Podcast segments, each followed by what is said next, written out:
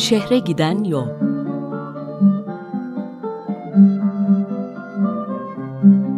Bir İstanbul programı.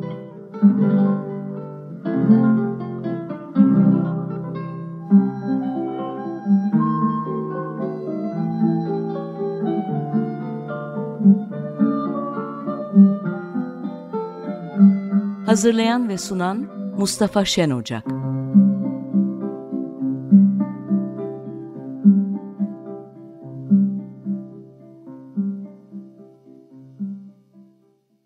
Günaydın. Evet şehre giden yollar her ne kadar bugün biraz tıkalı ve ıslaksa da yine de biz e, yol arkadaşım Mustafa Güner'le, günaydın Mustafa. Günaydın hocam. E, beraber size bu yolda e, ufak tefek bilgiler sunmak için yine karşınızdayız. Şimdi önce her zaman olduğu gibi İstanbul'un ta Bizans'tan itibaren olan tarihine devam edeceğiz. Sonra bu noktada yeri geldiği için surlar ve surların kapılarıyla ilgili bir bölüme başlayacağız. Sonra da kanımca bu havaya, bu ıslak ve e, oldukça iç titreten soğuğa sahip havaya uygun e, başka bir konuyla devam edeceğiz. Geçen hafta 396 yılında kalmıştık ve bu yıldan sonra bir e, hanedanın sonlandığını, yeni bir hanedanın saltanata geldiğini, Trakya hanedanının saltanata geldiğini söylemiştik.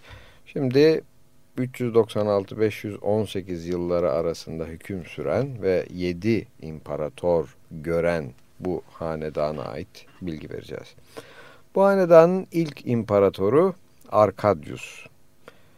Kendine ait bir özelliği var. O da imparatorluğun son forumunu yani büyük meydanını yaptırma özelliğini taşıması.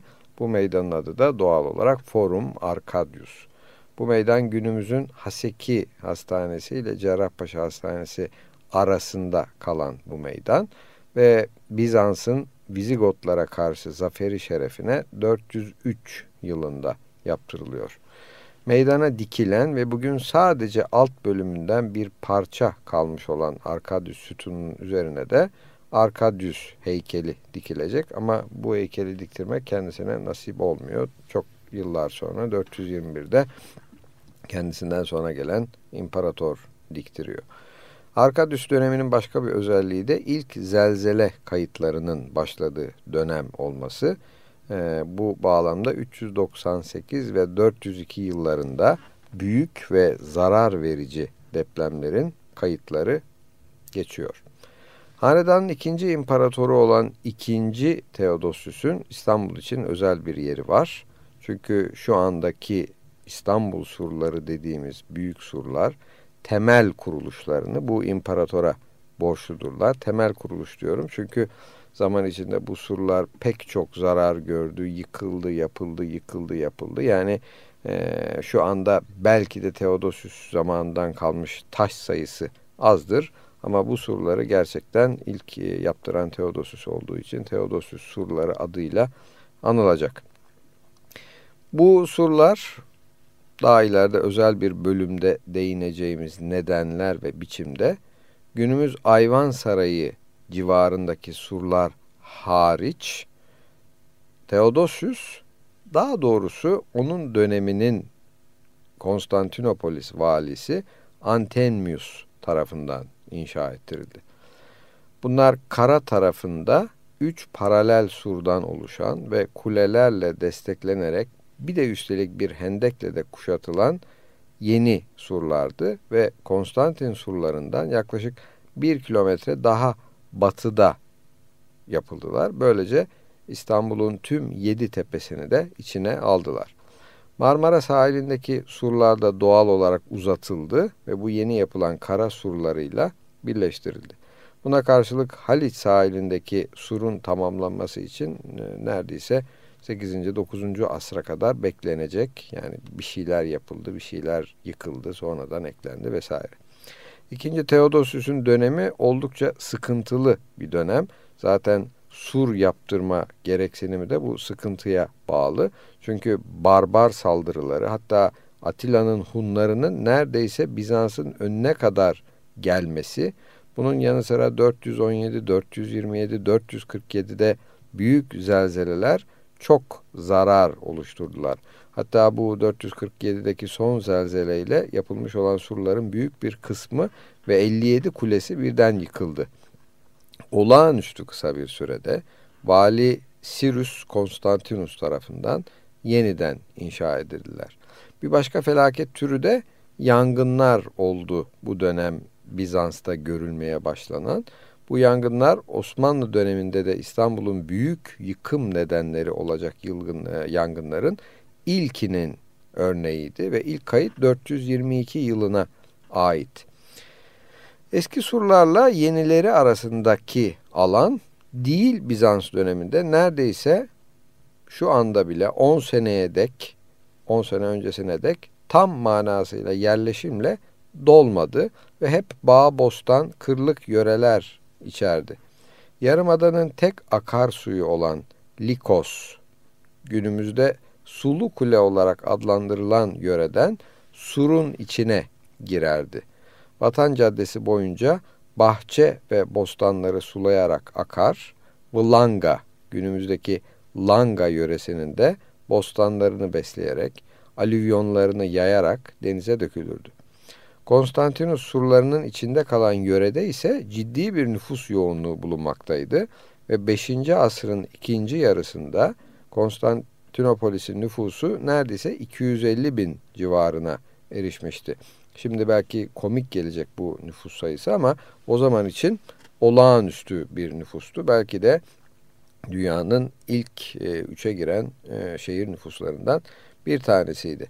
Bu bağlamda 450 yılında çıkarılan bir imar yasağı ile 10 kattan yüksek binaların yasaklanmış olduğunu görüyoruz. Bu imar yasakları gerçekten ilginç. Bazıları da daha sonra e, konumuz olacak olan Galata'da var. Mesela Galata'da e, binaların birbirlerinin deniz görmesini engellemeleri amacıyla 3 kattan daha yüksek olmaları ve e, birbirlerinin belli oranın ötesinde e, yüzeylerini yine deniz manzarası çerçevesinde etkilemeleri yasaklanmıştır. E, ilginç yasaklar tabii e, ilkel medeniyetler bunlar onun için böyle yasaklar koymuşlar. Bu yoğun nüfus e, doğal olarak su gereksiniminde de sorunlar oluşturuyordu. Çözüm yöntemlerinden biri olarak büyük, çok büyük sarnıçlar yapıldı, açık sarnıçlar. Bunlardan ilkinin örneğini de bu ikinci Theodosius zamanında görüyoruz. Bunu Aetius e, o zamanın komutanlarından biri 420'li yılların başında yaptırdı. Bu Aetius açık sarnıcı bugün Kara Gümrük'teki futbol sahası. Bundan sonraki imparator İmparator Markianus döneminde günümüzde Fatih Kız Taşı'nda bulunan Markianus sütunu dikildi. Ancak bu anıtın söylencelerdeki kız taşıyla bir ilgisi yok.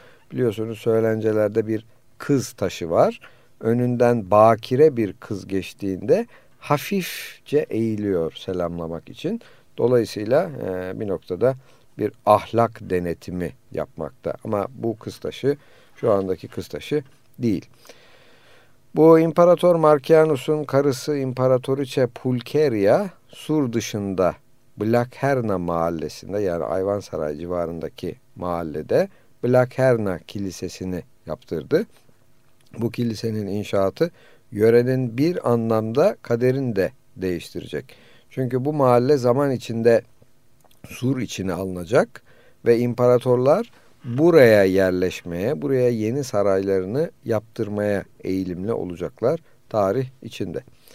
Daha sonraki imparatorlardan birinci Leon döneminde demin sözünü ettiğimiz tipteki açık sarnıçlara iki tane daha eklendi. Bunlardan biri Aspar sarnıcı, günümüzün Sultan Selim'de bulunan Çukur Bostanı ve Mokyus tanrıcı, e, sarnıcı.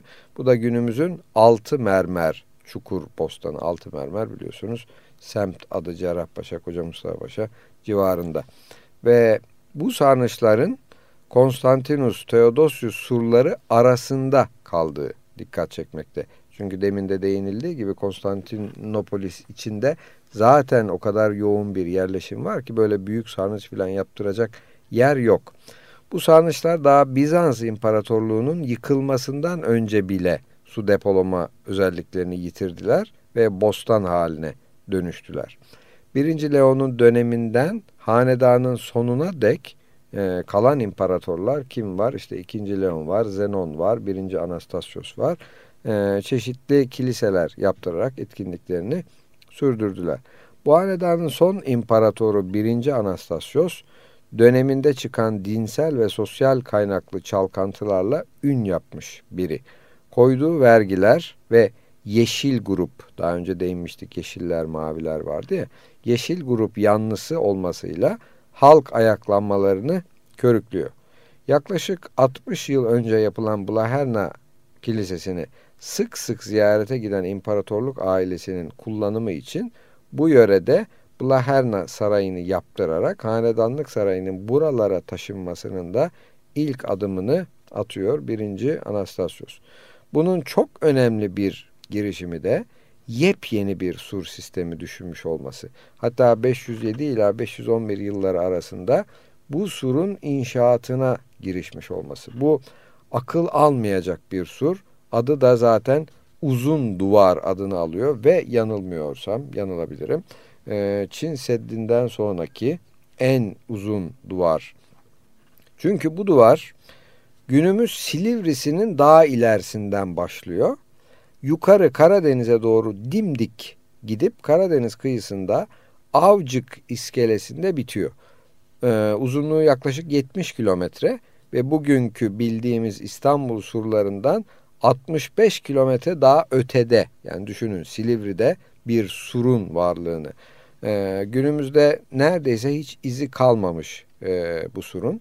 Ee, yapımında kentin su havzasını da içine alacak bir koruma sağlanmasının tasarlandığı düşünülüyor. Sonuncusu 509'da kaydedilen bu hanedan döneminin büyük yangınları ki belli başları işte 422 yılında, 467 yılında, 476 yılında, 509 yılında bunların özelliği günlerce devam etmeleri ve bir anda birden fazla mahalleyi birden yok etmeleri. Bu özellikler izleyecek asırların da yangın özelliklerini ortaya koyacak. 518 yılından başlayarak yeni bir hanedan başa geçiyor. Bu da Justinianus hanedanı. Bu hanedanın isim babası olan 1. Justinianus 527-565 yılları arasında saltanat sürmüş. Belki de Konstantinus'tan sonra Bizans İmparatorluğu'nun en dikkat çeken kişiliklerinden biri. Onun zamanında imparatorluk çok zor günler geçireceği gibi en değerli, en refah içindeki yani altın dönemini de bu imparator zamanında geçirecek. Evet şimdi ilk parçamızı güne uygun bir türkü olarak seçtim. Pencereden kar geliyor. Evet. Surlara gelmişken bu Konstantinopolis'in sur sistemiyle ilgili kısa bir e, bilgi vermeyi de uygun gördük. E, bu sur sistemi beraberinde doğal olarak başka konuları getirecek. E, bu konulardan bir tanesine de birazdan e, Mustafa kardeşim değinmeye başlayacak.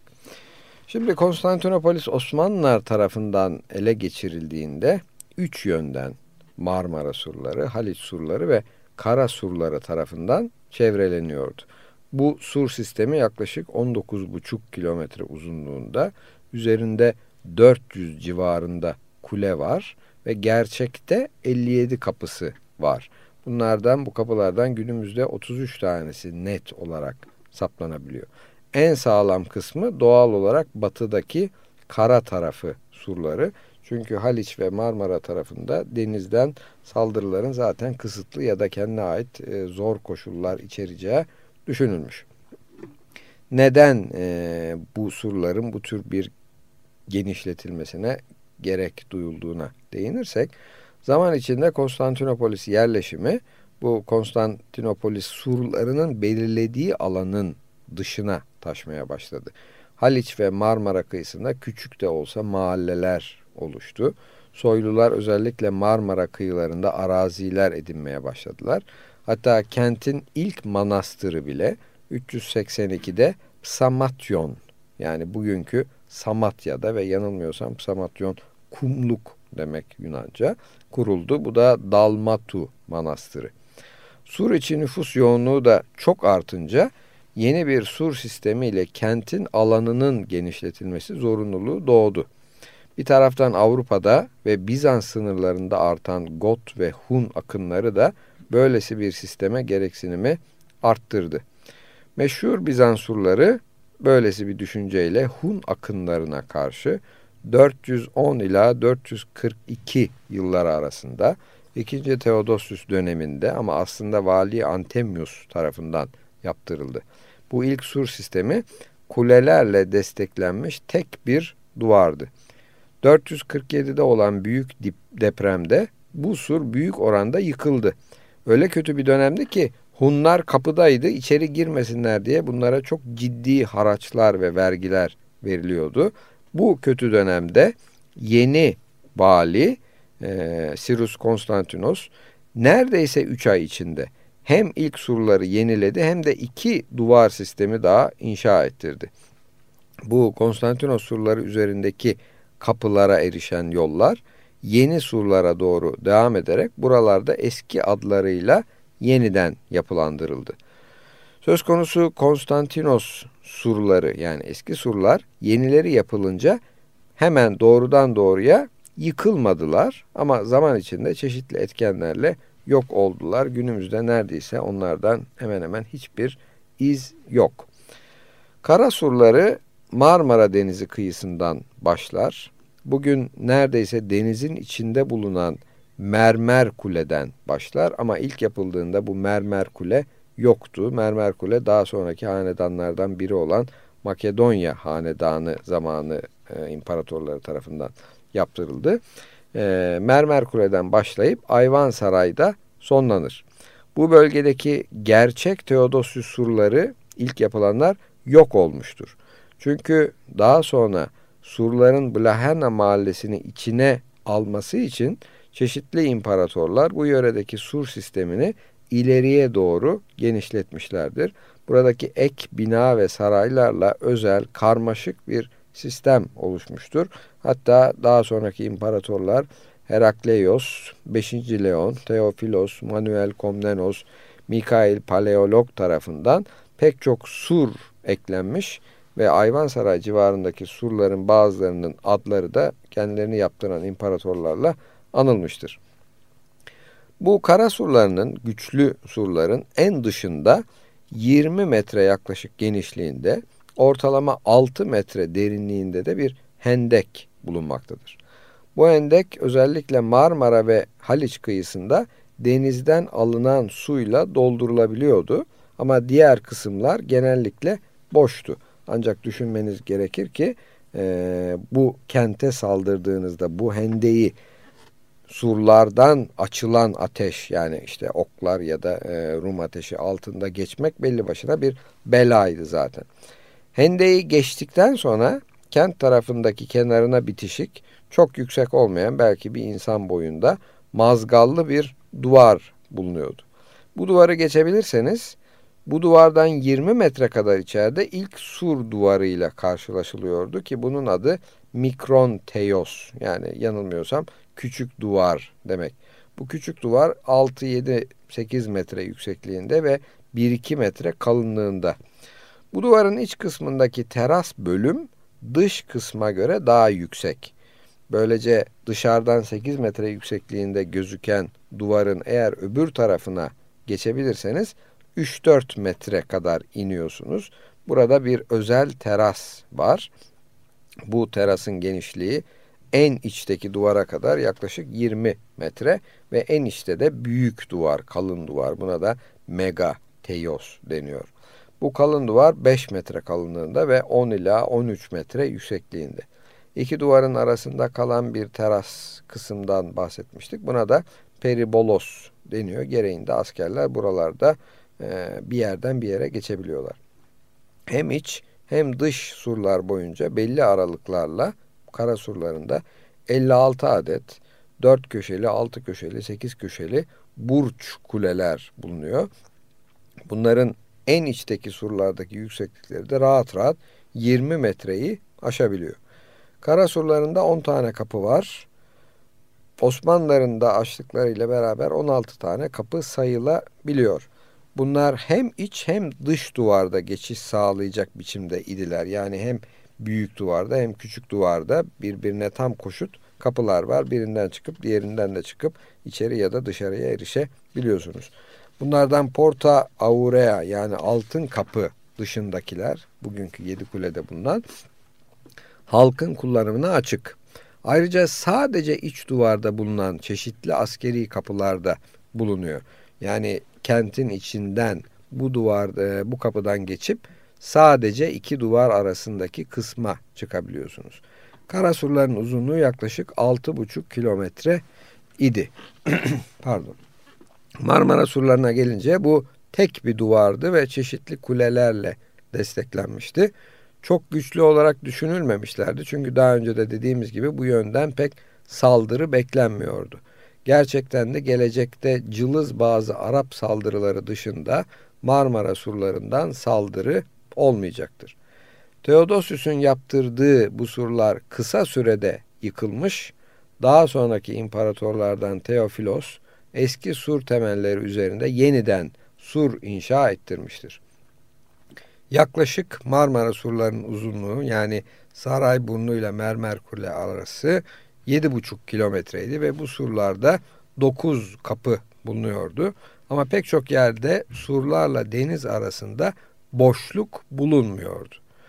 Marmara surlarının Sarayburnu tarafındaki son kapısının yanında Mangana Kulesi vardı. Bu kuleden Kız Kulesi'ne çekildiği düşünülen bir zincirle Boğaz geçişinin de Haliç değil, Boğaz geçişinin de denetim altında tutulduğu söylenmekte.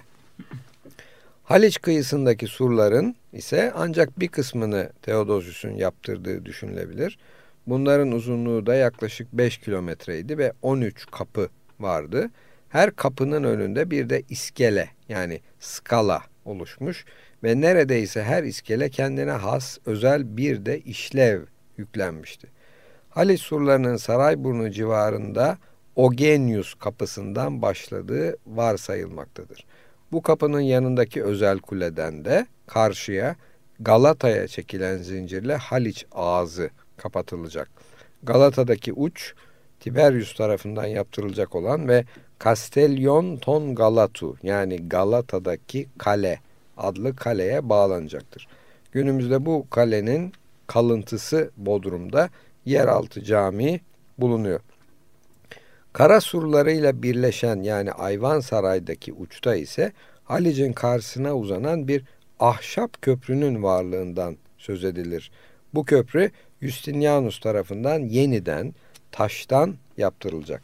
Başka bir deyişle bugünkü Galata e, ve Atatürk köprüleri ve Haliç Köprüsü niyetine e, Halic'i aşan eski İstanbul'dan karşıya Galata'ya geçen ilk köprünün e, Ayvansaray civarında ahşap bir köprü olduğunu anlamış oluyoruz.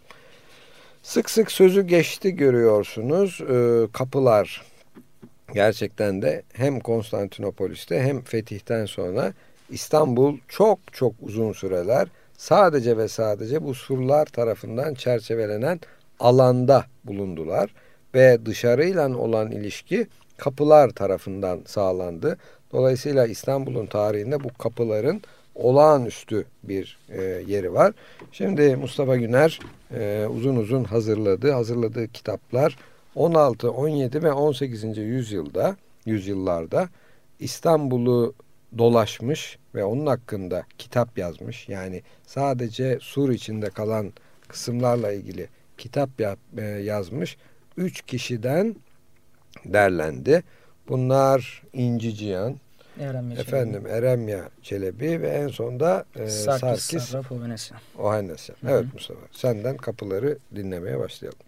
E, bugün Mustafa Hocam e, sadece Marmara sahilindeki surlara değineceğiz. E, ilk kapı olan Narlı Kapı'dan hemen başlamak istiyorum. E, şu anki İmror semtinin civarında bulunan ve eski adı Hagios Iannes Stadius olan Narlı Kapı bugünkü ismini vaktiyle burada nar ağaçlarının bolluğundan dolayı almış. E, fakir insanların yoğun olduğu ve züğürt yaylası tabir edilen bir alanda bu kapının civarında bulunmaktaydı. E, diğer kapı olan Samatya kapısı e, eski adı kum manasına gelen Psamatya. E, e, Koca Mustafa Paşa semtinin güneydoğusunun doğusuna düşen surlar bölümündeydi. E, civarında birçok meyhanenin bulunduğu 17. yüzyıl tarihçileri az önce sizin de söylediğiniz gibi e, tarihçileri tarafından nakledilmektedir. E, Davutpaşa Kapısı eski adı Ay Emilianus olan Davutpaşa Kapısı Cerrahpaşa semtindeki Davutpaşa Camii'nin civarında bulunmasından dolayı bu isimle anılır. Davutpaşa da 2. Beyazıt zamanında vezir azamlık yapmış bir kişi. E, bu kapının civarında Küçük Langa bostanı yer alıyordu. Bu bostanın bulunduğu alanda Bizans devrinin başlangıcından itibaren liman olarak kullanılmış olan Langa Limanı idi. E, Bayrampaşa Deresi'nin getirdiği kum ve çakıllarla dolunca bu limanda daha sonra e, Langa Bostanı haline geliyor. Dördüncü kapımız Yeni Kapı. Bugün Yeni Kapı olarak adlandırılan semtte bulunan bu kapı fetihten sonra tamir edildiği için Yeni Kapı ismini aldığı sanılmakta. Haliç surları üzerinde bulunan Yeni Kapı'dan ayırt etmek için bu kapının adına dışarı kelimesi ilave ediliyor ve dışarı Yeni Kapı deniyordu. Önceleri bu kapının bulunduğu Yeni Kapı sahilinde ve denizin içinde Papaz Kulesi olarak anılan bir burç bulunmaktaydı. Bu burç daha sonra fırın olarak kullanılmıştır. Ee, bu vakanın gelişimi de şöyle olmuştur. Sultan 3. Mustafa'nın emriyle Laleli Camii'nin yapımı sırasında çıkartılan molozlarla Yeni Kapı sahili doldurulunca burada bir mahalle teşkil edilmiş. Papaz Kulesi de bu mahallenin ortasında kalmış ve mahalle halkının fırını olarak kullanılmıştır. Sonradan bu mahallede 1782 yangında e, tamamen yanmış. Diğer kapımız Kum Kapı. Bu kapı şu anki Kum Kapı tren istasyonunun civarındaydı. Eski adı Küçük İskele manasındaki Kondoskali idi. Eren ve Çelebi'ye göre eskiden Kum Kapı civarında Samatya'dakilerden daha çok ve daha şen meyhaneler bulunmaktaydı diye naklediyor. Yine bu kapı civarında eskiden Kadırga Limanı olan bir meydan vardı. Kadırga Limanı Bizans İmparatorluğu'nun sonuna kadar kullanılmış. Osmanlı zamanında ise küçük gemilere iskele olmuştu. 17. yüzyılda ise bu meydan halkın bir mesele yerine haline gelmiş. Sonraki kapı olan Çatladı Kapı'ya geçmek istiyorum. Günümüzdeki küçük Ayasofya semtini sahile bağlayan kapıydı. Yakınında bulunan Burç 1532 depreminde çatladığı için Çatladı Kapı ismiyle anılmıştır. Bu kapının eski adı Sidera yani demirdi. Kapının yanında aslan heykeli bulunduğundan aslan kapısı manasındaki Porte Leonis'de denmiştir. 17. yüzyılda yaşayan Eremye Çelebi'nin kaydına göre bu kapının yakınındaki Cindi Meydanı'nda Cuma günleri birçok insan toplanır, atlarla yarışırlar, birbirlerine cirit atarlar. İzleyenler de meydanın etrafındaki evleri kapılara kadar hınca hınç doldururlarmış. Kapının yakınındaki sahilde bulunan fener 3. Osman zamanında Mısır'dan dönen bir geminin karanlık bir gecede buraya çarpıp batması üzerine yaptırılmış. Son kapımız olan Marmara sahili surları üzerindeki ağır kapıya geldik. E, bugünkü can kurtaran semtinde bulunmaktaydı. Saray nihayetinde olan Has Ağır önünde bulunduğu için bu isimle çağrılıyor. Ağır kapıdan yukarı çıkıldığında bugünkü Sultanahmet Meydanı'na çıkıyoruz. Burada bulunan eski bir Bizans kilisesi ki ismi İncilci Ioannis, fetihten sonra aslanhane binası haline getirilmiş ve yırtıcı hayvanların beslendiği bir yer haline almış. Bu binada birçok yırtıcı hayvanın yanı sıra Avrupalıların o güne kadar hiç görmedikleri bir de zürafa bulunuyordu. Öyle ki 16. yüzyılın başlarında kente elçi olarak gelen e, Basbek isimli kişi zürafanın kısa bir süre önce öldüğünü öğrenince sırf merakını gidermek için gömüldüğü yeri kazdırmış. Allah Allah. İlginç. Arslanhane'nin yukarısında sarayın beylik nakkaşlarının ikamet ettiği nakkaşhane yer alıyordu. Ağır kapıdan saraya gidildiğinde burada saraya ait çeşitli türde kuşların barındırıldığı kuşhane, e, bir de sahilde tutulan balıkların saraya gönderildiği balıkhane bulunuyordu sahil kısmında. E, Marmara sahili surları burada e, tamamlandı ağır kapıyla beraber. Bir dahaki programda e, Haliç surlarından Bahçe kapıyla başlayıp e, Hayvansaray kapısına kadar ilerleyeceğiz. Sağ ol ağzına emeğine sağlık. Ee, şey dikkatimi çekti. çatladı kapının adının nereden geldiği. Bazı yörelerin adlarının nereden geldiğine ait çeşitli söylenceler oluyor. Mesela çatladı kapı çatlak burçtan geliyormuş. Ee, başka bir deyiş e, bu Sarayburnu civarında denizin gerçekten derin olduğu ama e, çatladı kapı hizasından itibaren sığlaşmaya başladı. Dolayısıyla orada bir dalga çatlaması. Dolayısıyla oranın da e, çatladı kapı adını aldığı gibi başka bir açıklama var. Mesela bu Samatya Davutpaşa arasındaki bölgenin adı Etyemez. Neden Etyemez e, adını aldığına dair bir takım söylenceler var. E, onlardan bir tanesi oradaki halk özellikle fakir bir halk. Yani et almaya paraları bile yok. Başka bir e, söylence ise oradaki denizin e, hem dalgasız hem de az derin olması yüzünden can almadığı yani et yemediği biçiminde bir söylence. Sonra Yeni Kapı ile ilgili ilginç bir söylence vardır. Ee, onu aktarayım. Hangi padişah olduğunu bilmiyorum. Bu tür bir davranışta sanki 4. Murat bulunabilir gibime geliyor. Döneminde e, şimdi de çok var ya bir e, falcı, büyücünün varlığından söz ediliyor. Öyle bir adam ki her şeyi biliyor. E, bunu huzuruna getirtiyor şey padişah. Diyor ki ben şimdi denize açılacağım bir sandalla ve İstanbul'a kapılarından birinden gireceğim. Hangisinden girdiğimi, gireceğimi bilirsen seni affedeceğim. Bilemezsen kellen gitti. Hangi kapıdan gireceğini, gireceğimi sen şimdi bir kağıda yaz, emanet birine bırak. Ben girdikten sonra kağıdı açacağız. Eğer girdiğim kapıyı doğru bildiysen kurtuldun. Ondan sonra büyücü de bir yere yazıyor. Uygun birine emanet ediliyor kağıt. Ee, padişah bir sandala biniyor. Bilinen kapılardan birinden girmiyor. Emrindeki vatandaşlara diyor ki şurada surda bir yeri kırın, açın. Oradan gireceğim. Evet. Bunlar surda bir yeri kırıyorlar. Padişah oradan giriyor. Hadi bakalım diyor hangi kapıyı yazdın?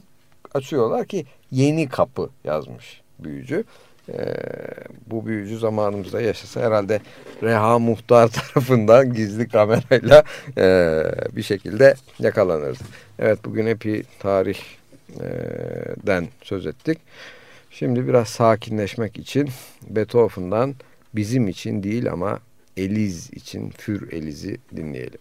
Evet bu ıslak ve sulu karlı diyebileceğimiz İstanbul gününde Belki de biraz içimizi ısıtmak için e, özel bir konu açmak istedim. Bu konuyu açarken aklıma şu soru geldi. Düşünün hemen hemen her tarafımız denizle çevrili ama dikkat ederseniz bu şehrin hiç doğru dürüst, kumluk, büyük, tüm halkın kullanımına açık ve rahat erişilir bir plajı yok şu anda. Varmış zamanında ve bunların hepsini yavaş yavaş üstünüze afiyet e, yiyip bitirmişiz. Şimdi İslam Çupi'nin plaj başlıklı bu konuya oldukça acıklı değinen bir e, yazısını okuyalım. Üç tarafı denizle çevrilmiş İstanbul, sahillerinin ötesine berisine oturttuğu plajlarıyla dünya turizm kartpostallarının renkli bir maketini sunardı.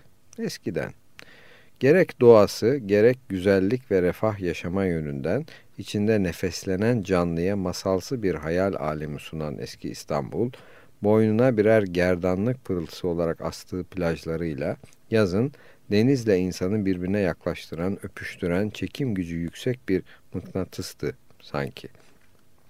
Benim çocukluk ve ilk gençlik dönemimin İstanbul'u ne denizi şeytanın sidik havuzu olarak gören bir step kalabalığının bağnaz itikatlarıyla dolmuştu ne de bir fabrika ve makina parkı furyası Marmara'yı içine girilmeyecek bir yağ ve zehir çukuru haline dönüştürmüştü.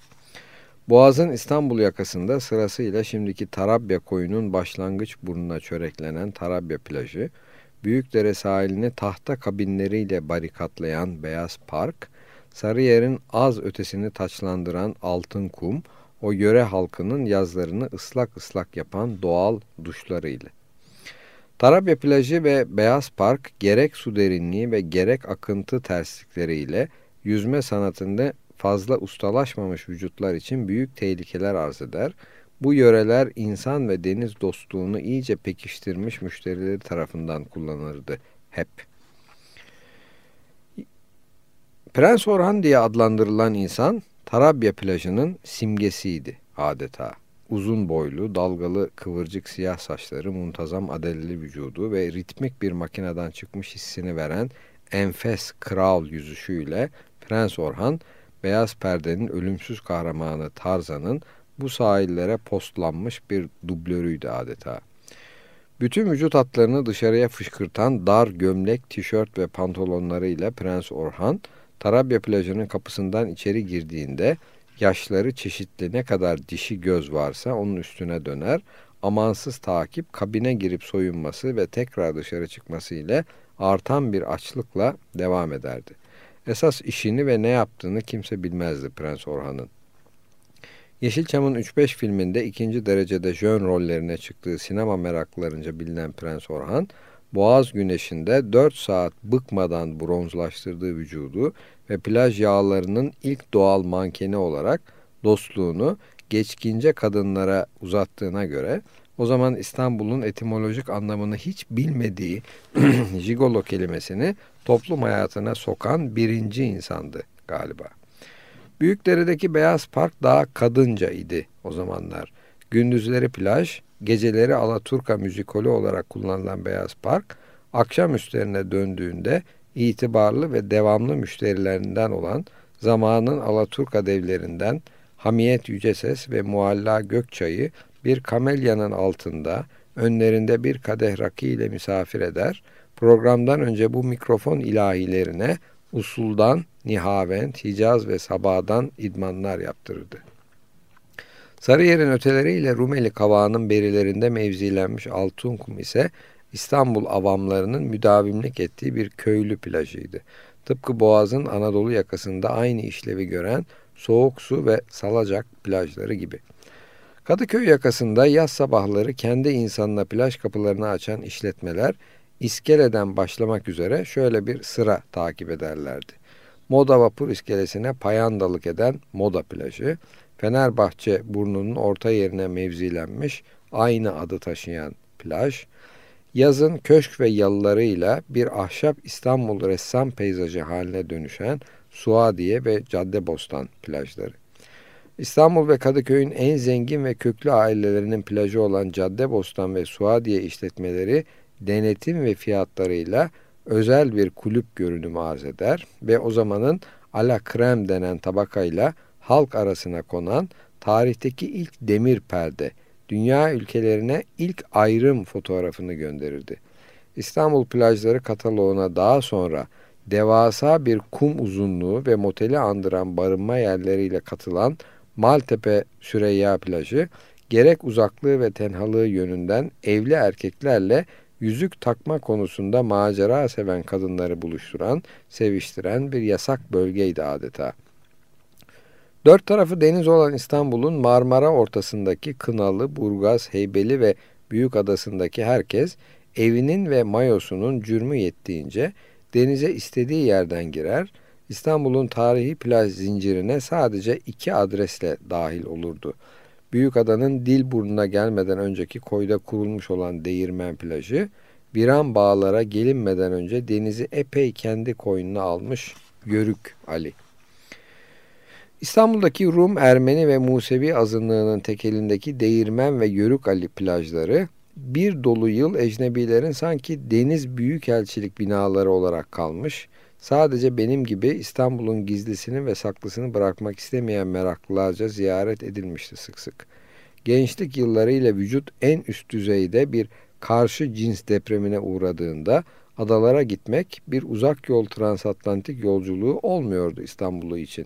Hele Değirmen plajında her saat dizi dizi çınlayan Rum, Ermeni ve Musevi kızlarının kahkahalarını tercüme edecek beceriniz varsa.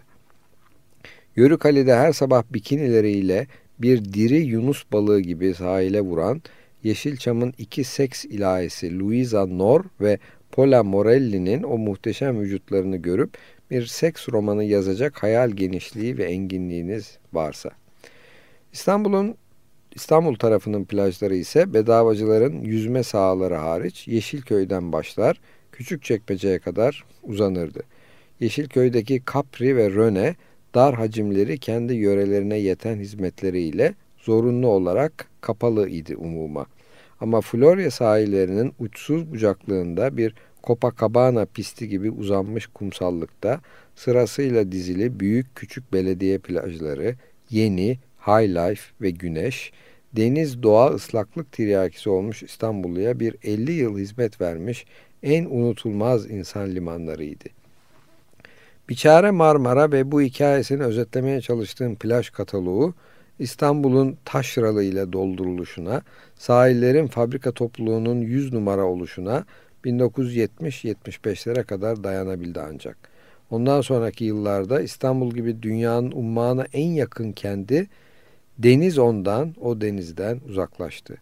Kapanan bir yığın plajın yanında Florya tren istasyonunun kuzeyinde uzanan büyük belediye plajı şimdi aynı yerde bulunmaktadır.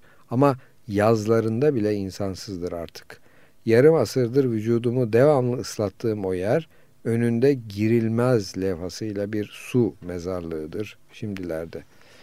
Evet, İslam Çupi rahmetlinin 8 Mayıs 1994'te yazdığı bir yazı.